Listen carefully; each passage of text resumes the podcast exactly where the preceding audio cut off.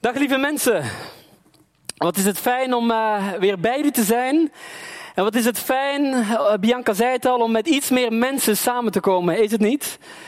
Ook thuis zitten natuurlijk heel wat mensen weer te kijken, dus ook een hele goede morgen voor jullie. En ik hou ervan, jullie weten dat, ik hou ervan om dat woord goede morgen uit te spreken.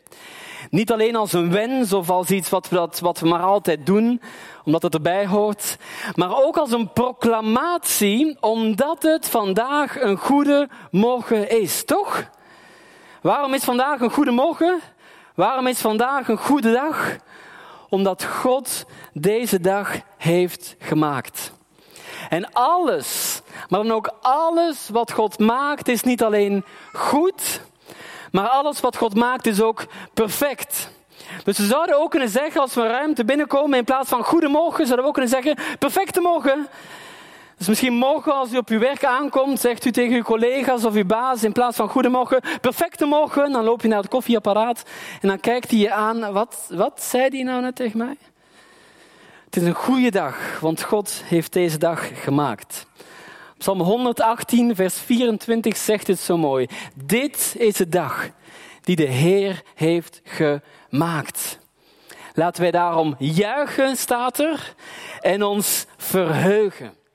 Dit is de dag die de Heer heeft gemaakt.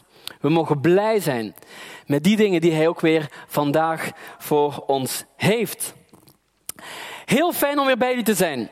Het is een tijdje geleden, een paar maanden geleden denk ik. En de gemeente heeft natuurlijk niet stilgezeten. Maar in gedachten en gebed ben ik uh, heel veel bij jullie geweest. Ook ik heb de afgelopen maanden niet stilgezeten. Het uh, gewone leven, wauw, krijgt meer en meer doorgang. Dat is ook hier zichtbaar. Maar ook natuurlijk in de maatschappij en ook bij ons, bij Jeugd met een Opdracht Heidebeek. Uh, over een aantal weken beginnen er weer heel wat zomeractiviteiten. Heel wat mensen die naar onze terreinen komen om meer te leren over God en er weer op uitgestuurd te worden. Vorige week is er uh, een DTS afgerond, een discipelschap trainingsschool, waar mensen geleerd hebben over God en waar ze drie maanden in het buitenland zijn geweest, zelfs in deze tijd, om God bekend te maken. En aanstaande vrijdag en zaterdag vertrekken er weer opnieuw twee teams die net hun lesfase erop hebben zitten en die er nu weer op uitgaan. Dus er gebeurt steeds meer en meer. Geweldig om te zien hoe mensen aangeraakt worden door het woord van God en door de Heilige Geest. En vanaf die plek de wereld ingaan. En dat is ook mijn hoop en mijn gebed voor deze ochtend. Dat we als we thuis kijken of als we hier in de zaal zitten, dat we vanaf hier weer opgebouwd en bemoedigd zullen worden door het woord van God wat tot ons komt. En dat we aangevuurd zullen worden om dat woord van God ook weer uit te dragen naar de wereld om ons heen. Ver weg en absoluut ook dichtbij. En het woord wat ik vanochtend voor ons heb, is een woord wat voortborduurt, voortbouwt op dat woord wat Wim ons vorige week gebracht heeft.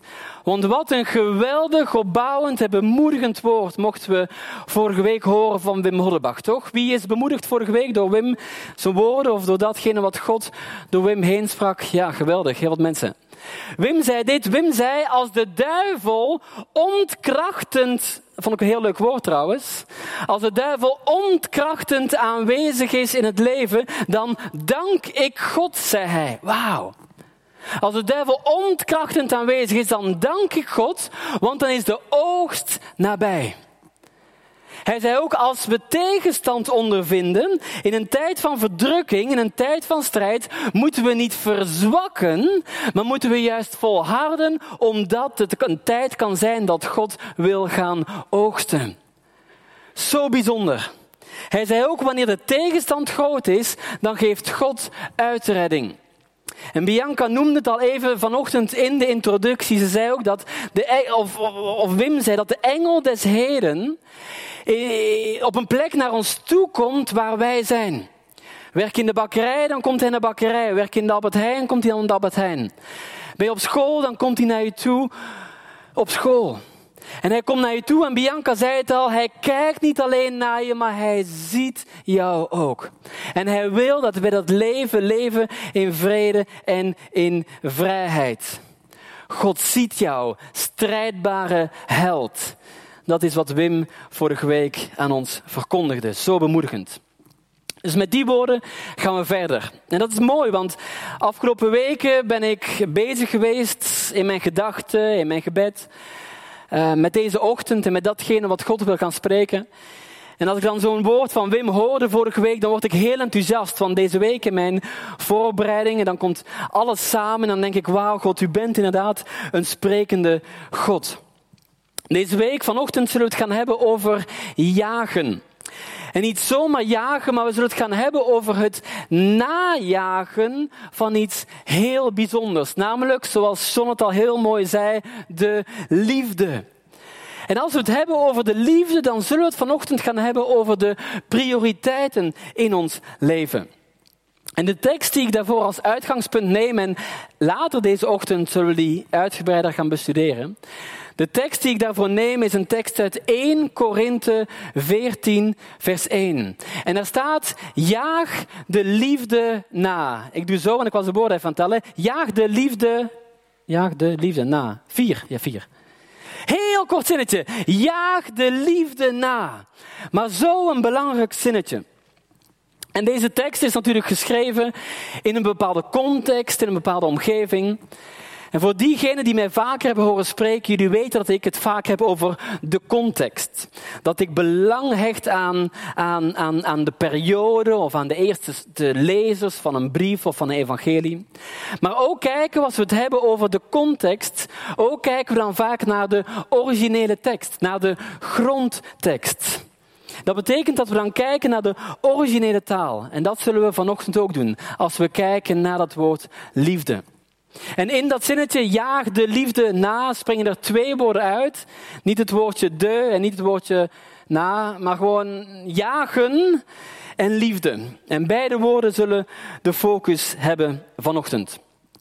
En om dat woordje liefde iets beter en dieper te begrijpen, moeten we even terug naar een andere tekst uit het Nieuwe Testament, waar datzelfde woord liefde gebruikt wordt, maar waar dus ook datzelfde woord liefde in de originele Griekse taal gebruikt wordt. We gaan terug naar Johannes 3, vers 16. Misschien wel het meest bekende vers uit de Bijbel.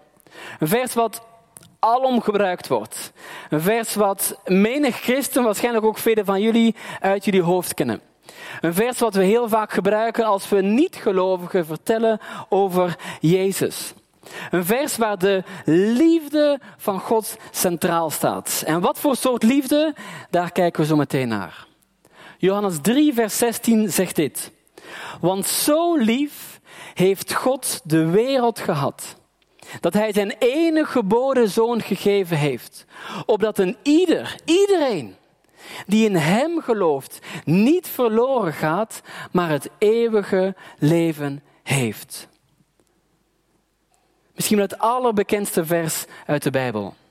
Een vers, zoals ik al zei, wat gaat over een hele bijzondere soort liefde.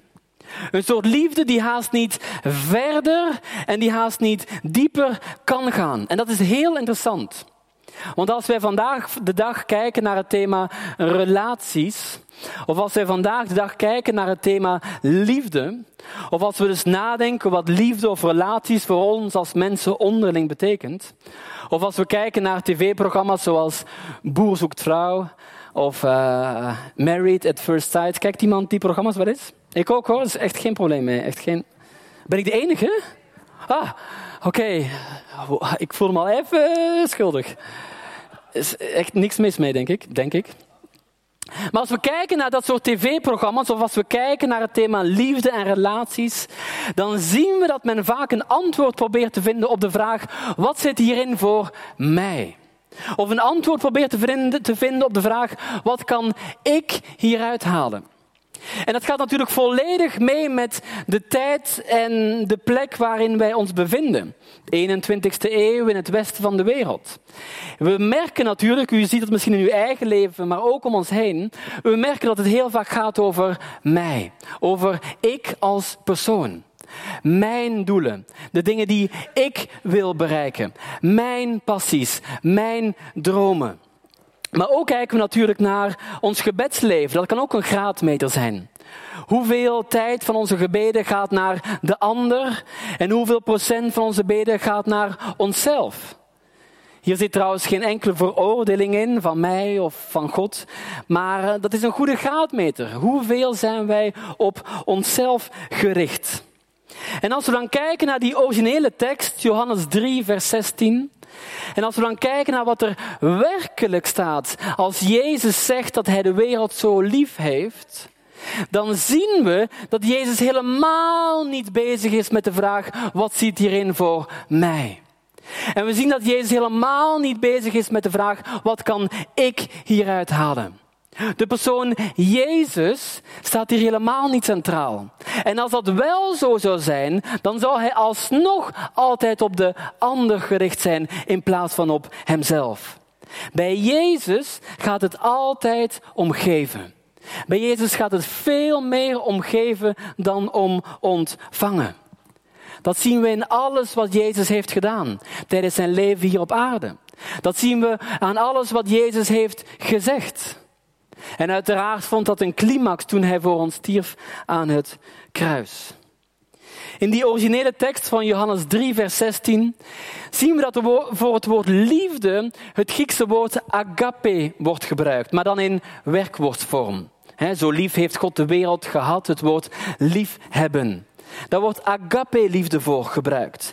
En agape kan inderdaad vertaald worden met liefde, maar dan gaat het wel om een hele bijzondere soort of vorm van liefde. Dan gaat het om een liefde die onvoorwaardelijk en opofferend is. En dat zijn natuurlijk hele grote woorden. Als we het hebben over het woord agape-liefde en als we dat verder ontleden, dan zien we dat het helemaal niet gaat om die vraag, wat kan ik hieruit halen? Maar dan zien we dat deze soort en vorm van liefde altijd op de ander gericht is. Maar ook zien we dat het een soort liefde is die altijd aanstaat. Zal ik dat even herhalen? Gods liefde voor ons staat altijd aan.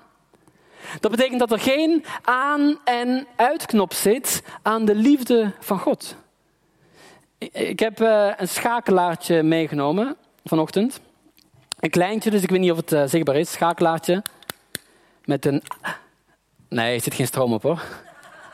Het is niet verbonden. Draadloos. Ik heb een schakelaartje meegenomen. Want wat, wat, doen wij vaak als mensen? Ik weet niet of we dus ook op de camera kunnen zien. Wat doen wij vaak als mensen?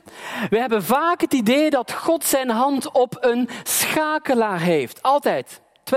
24-7, de hele dag door. En dat hij dus ieder moment van de dag kan beslissen, dat God ieder moment van de dag de keuze kan maken om zijn liefde voor ons aan of uit te zetten. En dan doen wij iets, dan kijkt hij naar ons met die hele grote ogen vanuit de hemel. En dan volgt hij ons overal. En dan heeft hij zijn hand op die knop en dan zegt hij, ja, uit, ja, aan, uit. Dat doen wij als mensen heel vaak. Maar dat is helemaal niet wat Jezus natuurlijk doet. Zijn liefde voor ons is eeuwig.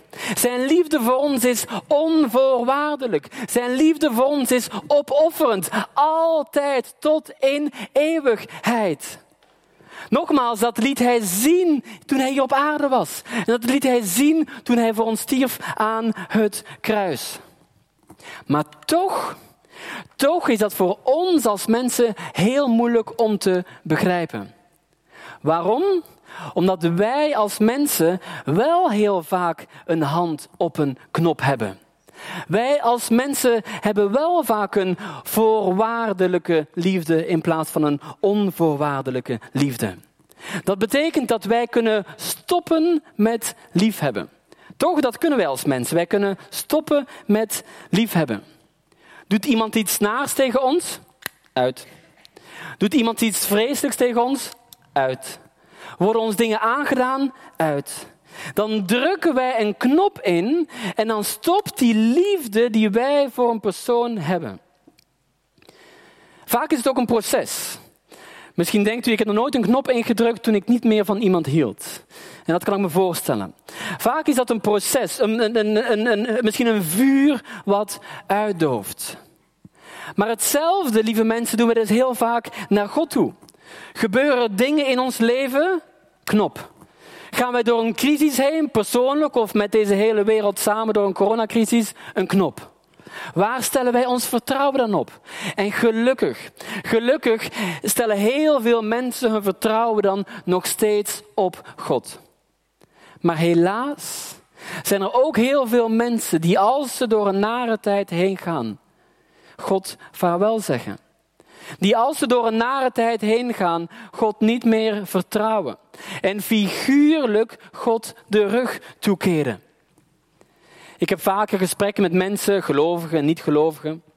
Ook natuurlijk in tijden van evangelisatie en zending. En dan praat ik met mensen en ik kom vaak in gesprek met mensen die zeggen: Ja, ik, ik, ik, ik ben ooit wel naar de kerk geweest.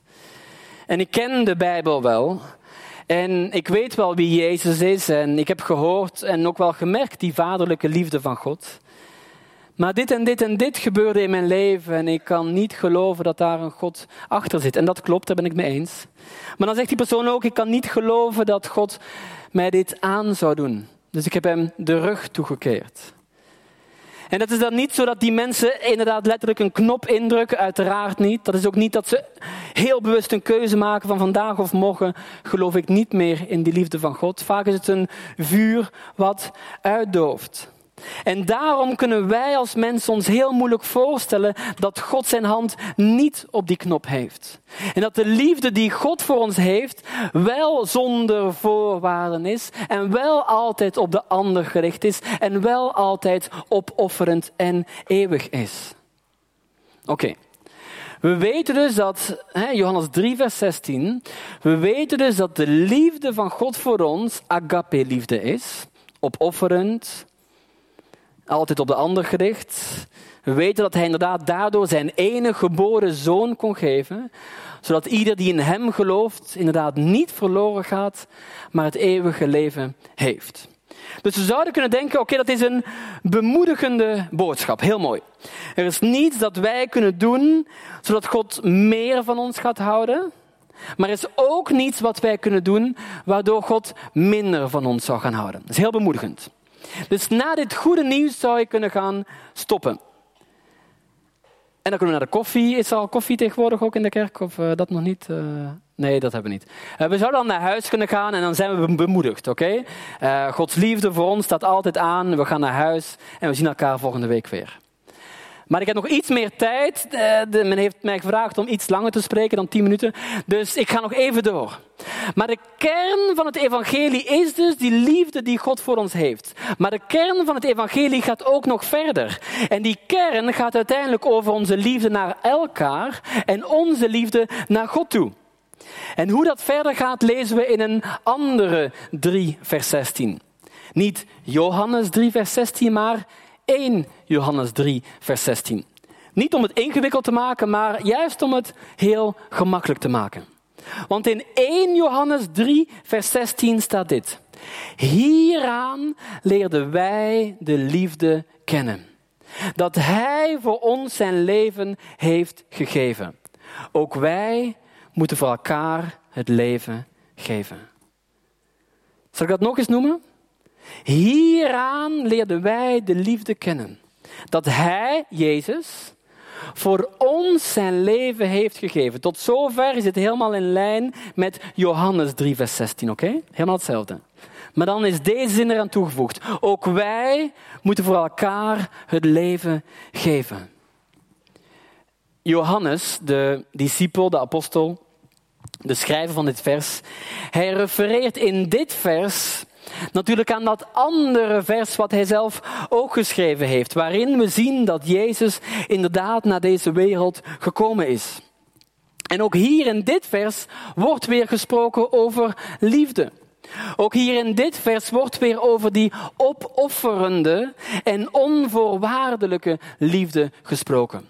Ook in dit vers wordt het agape-woord er wel gehaald. Maar er is wel een groot verschil. Want deze keer gaat het niet alleen over Gods liefde voor ons, maar deze keer worden ook wij erbij gehaald. We lezen inderdaad dat Hij zijn leven heeft gegeven voor ons, dat we Hem daardoor hebben leren kennen als ultieme voorbeeld. Maar dat wisten we al. Dat lazen we al in die andere 3 vers 16. Maar hier schrijft Johannes dus dat ook wij voor elkaar het leven moeten geven. Wauw. Oké, Jonathan, was je toch maar gestopt net voor deze laatste alinea? Want tot nu toe was het inderdaad bemoedigend. Had je toch niet kunnen stoppen? Ik bedoel, het is een mooie zondag vandaag. Vanmiddag uh, kunnen we Tour de France kijken op tv. Titi Asse is bezig vandaag. Vanavond voetbal. Het is zo'n leuke dag. Bemoedigend woord dat God van ons houdt. En plots heb je het over je leven geven voor de ander. Konden we toch niet gestopt zijn net? Ik bedoel, je leven geven voor een ander. Hoe ziet dat eruit? Hoe werkt het dan in deze ik-gerichte maatschappij waarin wij leven? Wat betekent dat dan met relaties die ik aanga? En, en, en, en hoe zit het dan met mij als persoon?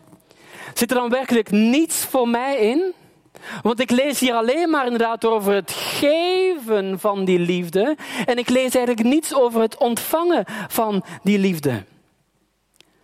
Als we het hebben over het bijbelse aspect van agape-liefde, dan hebben we het in de kern eigenlijk over het maken van een keuze. En dat is heel bijzonder. Want vaak als we praten over liefde, dan denken we aan verliefdheid en leuke emoties, leuke gevoelens. Oké, verliefdheid is ook soms wel ongemakkelijk.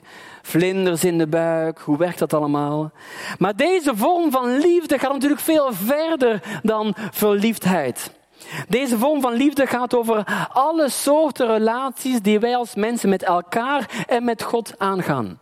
Familie, vrienden, uh, mensen op ons werk, collega's, mensen op school. Het gaat over mensen in ons dorp, mensen in onze omgeving, buren, kennissen. Mensen die we heel diep kennen, maar ook mensen die we oppervlakkig kennen. Mensen waarmee we een goede band hebben en waarmee we altijd goede relaties hebben gehad. Maar ook mensen met wie het misschien een beetje moeilijker loopt. Uh, mensen aan wie wij leiding geven, maar ook mensen onder wiens leiding wij staan. Alle soorten relaties. Een keuze. Daar gaat het ten diepste om als we kijken naar agape-liefde. De keuze om elkaar in nederigheid te dienen.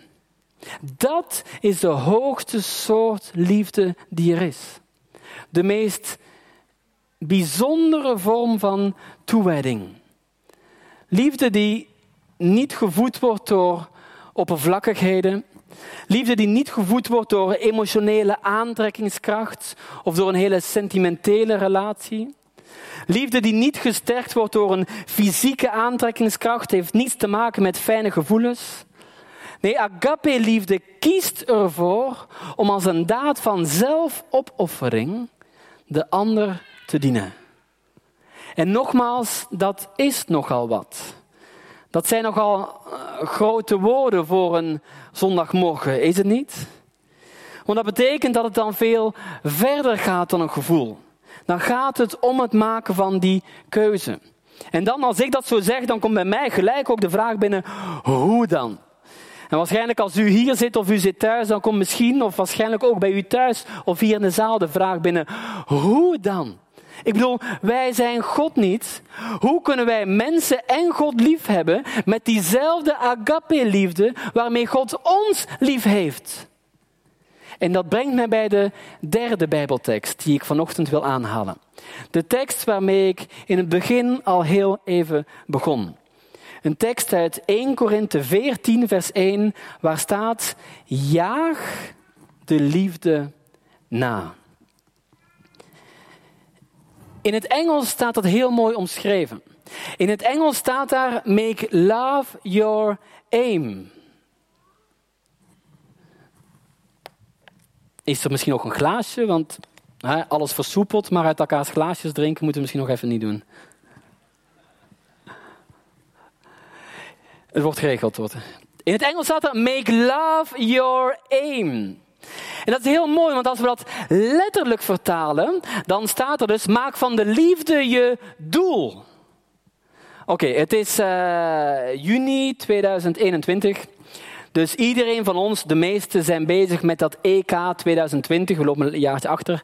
EK 2020, oké? We zijn allemaal in de ban van dat voetbal, toch? De me meeste van jullie ook, of niet? Veel voetballiefhebbers. Ja, ik zelf heb eigenlijk niets met voetbal. Ik denk dat ik de keren dat ik echt zelf letterlijk een balletje getrapt heb, ik kan dat op, ja, echt wel op één hand bijna tellen. Ik heb er helemaal niks mee. Oh, ik, ik, weet sinds kort wat buiten spellen, een beetje inhoud, een beetje inhoud. Bedankt. Uh, maar ik weet wel, oké, als, als er dan een EK is, dan kijk ik wel. Iedere wedstrijd van Nederland en uiteraard iedere wedstrijd van België. Dus vanavond wordt weer geweldig. Om 6 uur Nederland, om 9 uur België wordt weer een geweldige wedstrijd. En dan weet ik, hè, dan weet ik, ook al weet ik niets van voetbal, ik weet wat het doel is.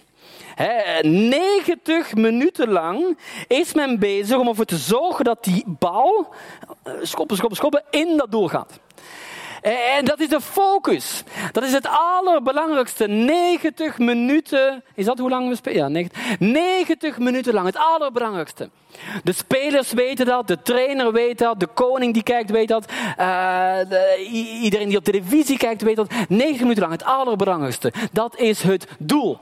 Dat die bal in dat doel moet. Ik ben trouwens wel een paar keer in een, uh, in een stadion geweest bij de EO Jongerendag of uh, eh, EO Familiedag vroeger. Maar dat is dus wat ik met voetbal heb. Eigenlijk heel, heel weinig. Maar het hoofddoel bij voetbal is hetzelfde. Die bal moet dat doel in. En hier staat dus: Make love your aim. Dus in het Nederlands maak van de liefde je doel.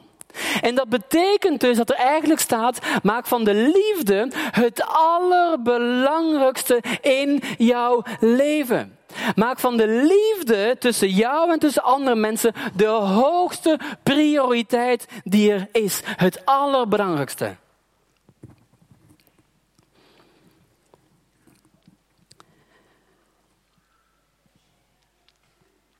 Het leuke is dat in dit vers wat er nakomt in, in, in het hele hoofdstuk 14 van 1 Korinthe, wordt er gesproken over hoe wij als gelovigen met elkaar om mogen gaan. Er wordt gesproken over profetie, er wordt gesproken over tongentaal, er wordt gesproken over onze omgang met elkaar. Maar ik vind het dus prachtig dat er in het begin staat, jaag de liefde na. Dat betekent dat al het andere dus ook heel belangrijk is, maar dat de basis, de kern, altijd die liefde onderling moet zijn.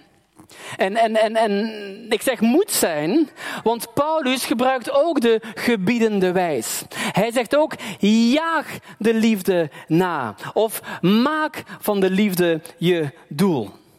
Dat betekent niet als optie, of niet als een keertje, of niet de tweede zondag van de week, van de maand. Of niet als wij iets beter, iets lekkerder in ons vel zitten.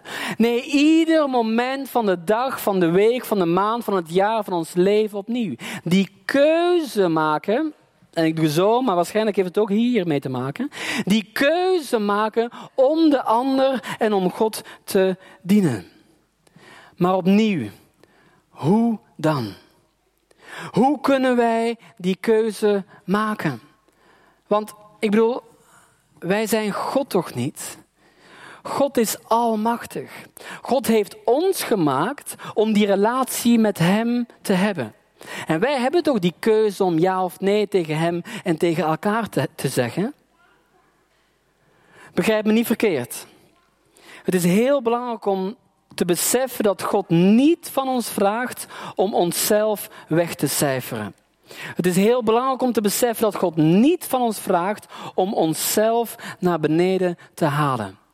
Maar wel vraagt Hij van ons om de ander, wie dat ook is, om de ander, wie dat ook is, altijd omhoog te halen. Altijd hoger te achten dan onszelf. Maar misschien is ons onrecht aangedaan. Misschien zijn er wel verschrikkelijke dingen gebeurd in ons leven. En ik wil vanochtend niet zeggen, dus begrijp me niet verkeerd. Ik wil vanochtend niet zeggen dat we dat moeten negeren. Ik wil vanochtend niet zeggen dat we dat onder het tapijt moeten vegen. Ik wil vanochtend niet zeggen dat wij tegen iedereen maar moeten gaan schreeuwen: Ik hou van jou. Ik wil vanochtend niet zeggen dat van zodra we die anderhalve meter ook kunnen loslaten, dat we iedereen die we tegenkomen maar moeten huggen en knuffelen en kussen. Dat wil ik niet zeggen. Maar wel wil ik zeggen dat we altijd naar Jezus mogen kijken. Dat is vaak een proces van loslaten. Maar Jezus is ons ultieme voorbeeld. Er is namelijk niets, maar dan ook niets wat Jezus van ons vraagt, wat Hij zelf als mens op deze aarde niet zelf eerst heeft meegemaakt. Beseffen we dat? Er is niets wat Hij van ons vraagt, wat Hij als mens verschenen niet zelf eerst heeft doorgemaakt. Hij werd bespot en geslagen. Jezus werd vernederd en verdrukt. Hij werd verlaten en hij werd gemarteld. En uiteindelijk stierf hij die vreselijke dood aan het kruis. Waarom? Alleen maar om te zeggen: Ik hou van jou. Alleen maar om ons te laten zien dat er een weg naar de Vader mogelijk is. En daarmee om ons te laten zien dat er een weg naar elkaar mogelijk is. Ik wil zo meteen afsluiten met een bemoedigende psalm. Want nogmaals, hoe kunnen we dat doen? Alleen maar met de hulp van God. Alleen maar met de hulp van de Vader, de Zoon Jezus en de Heilige Geest. Alleen maar door wie we zijn in Hem kunnen wij die relatie met Hem herstellen en die relatie met elkaar herstellen.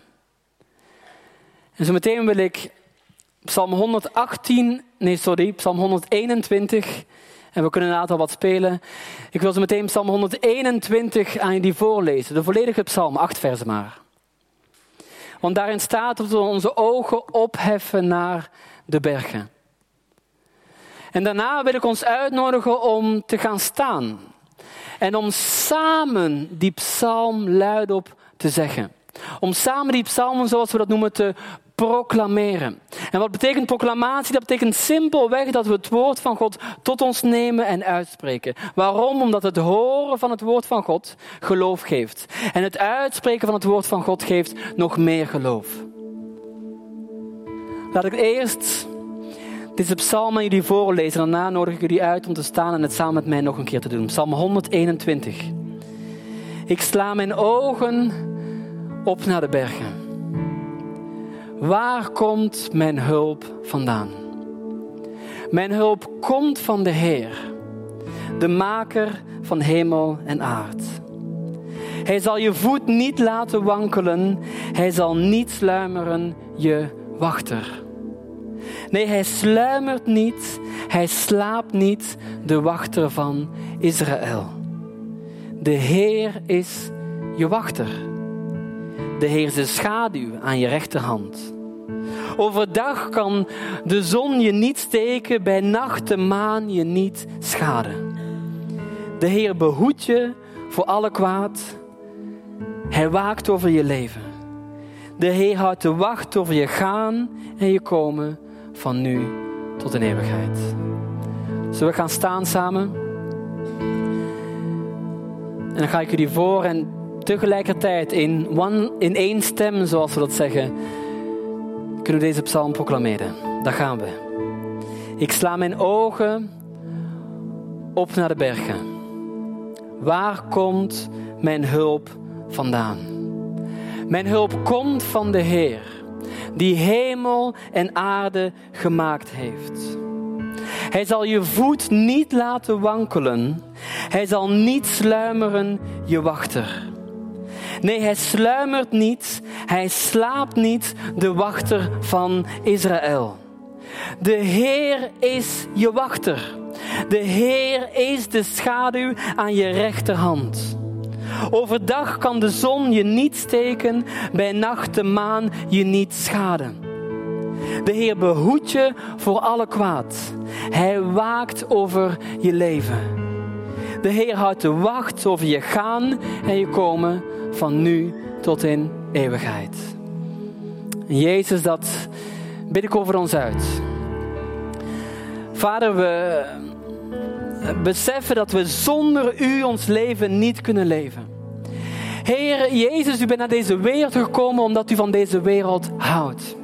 U bent naar deze wereld gekomen omdat u deze wereld lief had en lief heeft. U bent naar deze wereld gekomen omdat u ons, mij als persoon lief heeft. Met die opofferende liefde. Met die liefde die altijd op de ander gericht is. Met die liefde waaraan we niets kunnen afdoen of bijdoen. Die agape liefde. En Jezus, wat zijn het dan grote woorden als we lezen en horen. Dat we zo ook ons leven mogen geven aan de ander.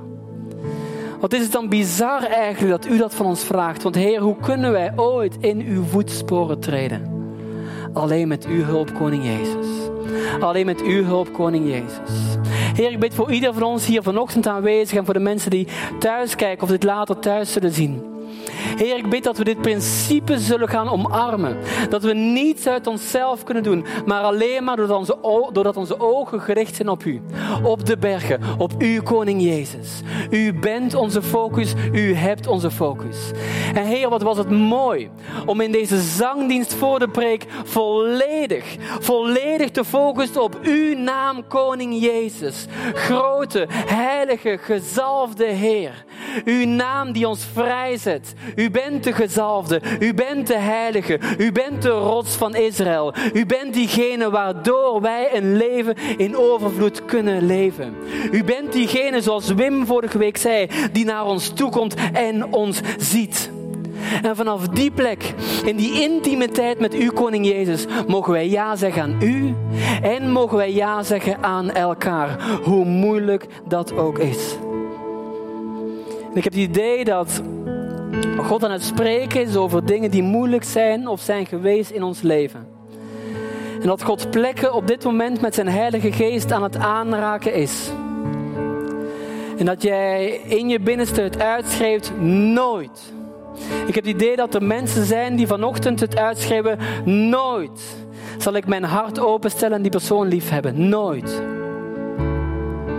En ik heb, die, ik, ik heb een beeld van dichte handen.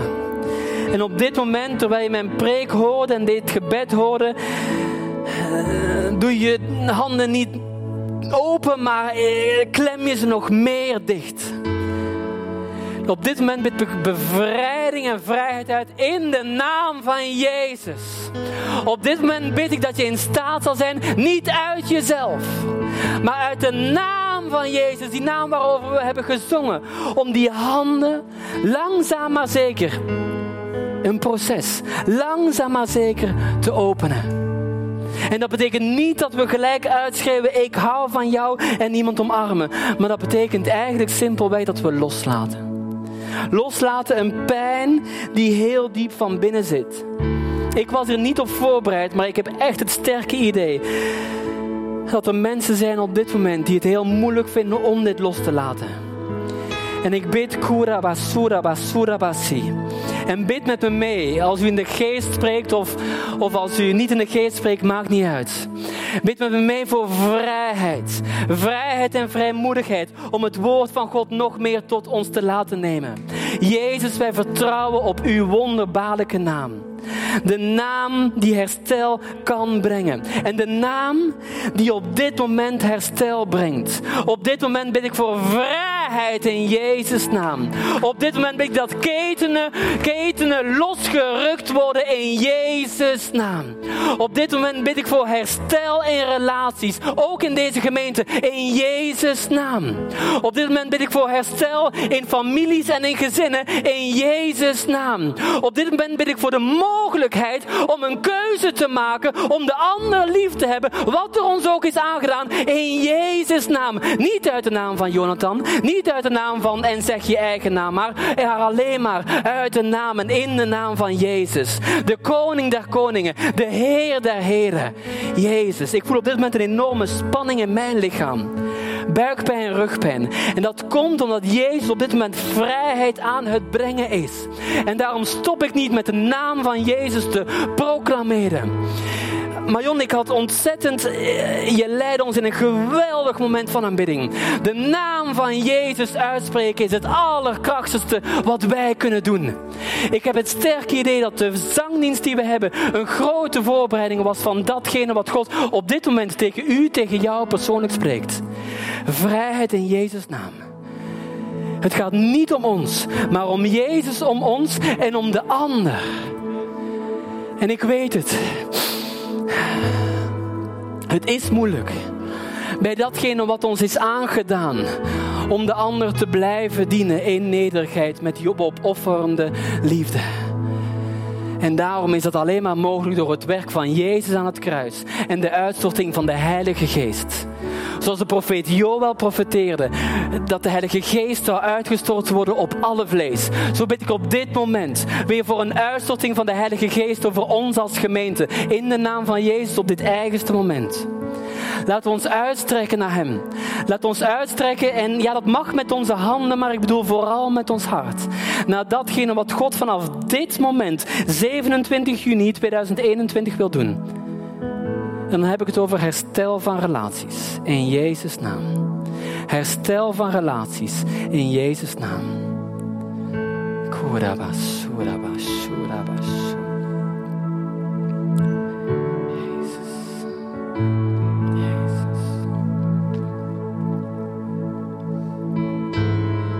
Krijg het beeld van een pijl en boog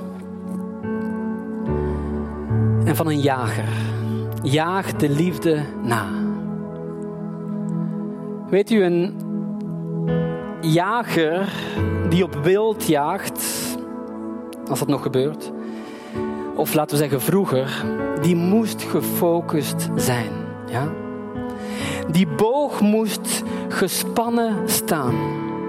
En op het juiste moment, en dat was misschien maar een fractie van een seconde, op het juiste moment moest die boog losgelaten worden zodat die pijl het doel kon richten. Focus. Daar heeft het mee te maken. Focus, maar dan ook een keuze om die pijl los te laten. Die pijl van liefde voor de ander. Jezus, we danken u voor het woord dat u brengt. En ik bid, Heer, dat u door zult gaan. Vandaag, deze week, de komende tijd met het brengen van genezing. Ik bid, Heer, dat u door zult gaan met ons helpen. Als we onze ogen opheffen naar de berg. Als we onze ogen opheffen naar u en op u focussen, Koning Jezus. Om die relaties met u altijd weer te herstellen en die relatie met andere mensen.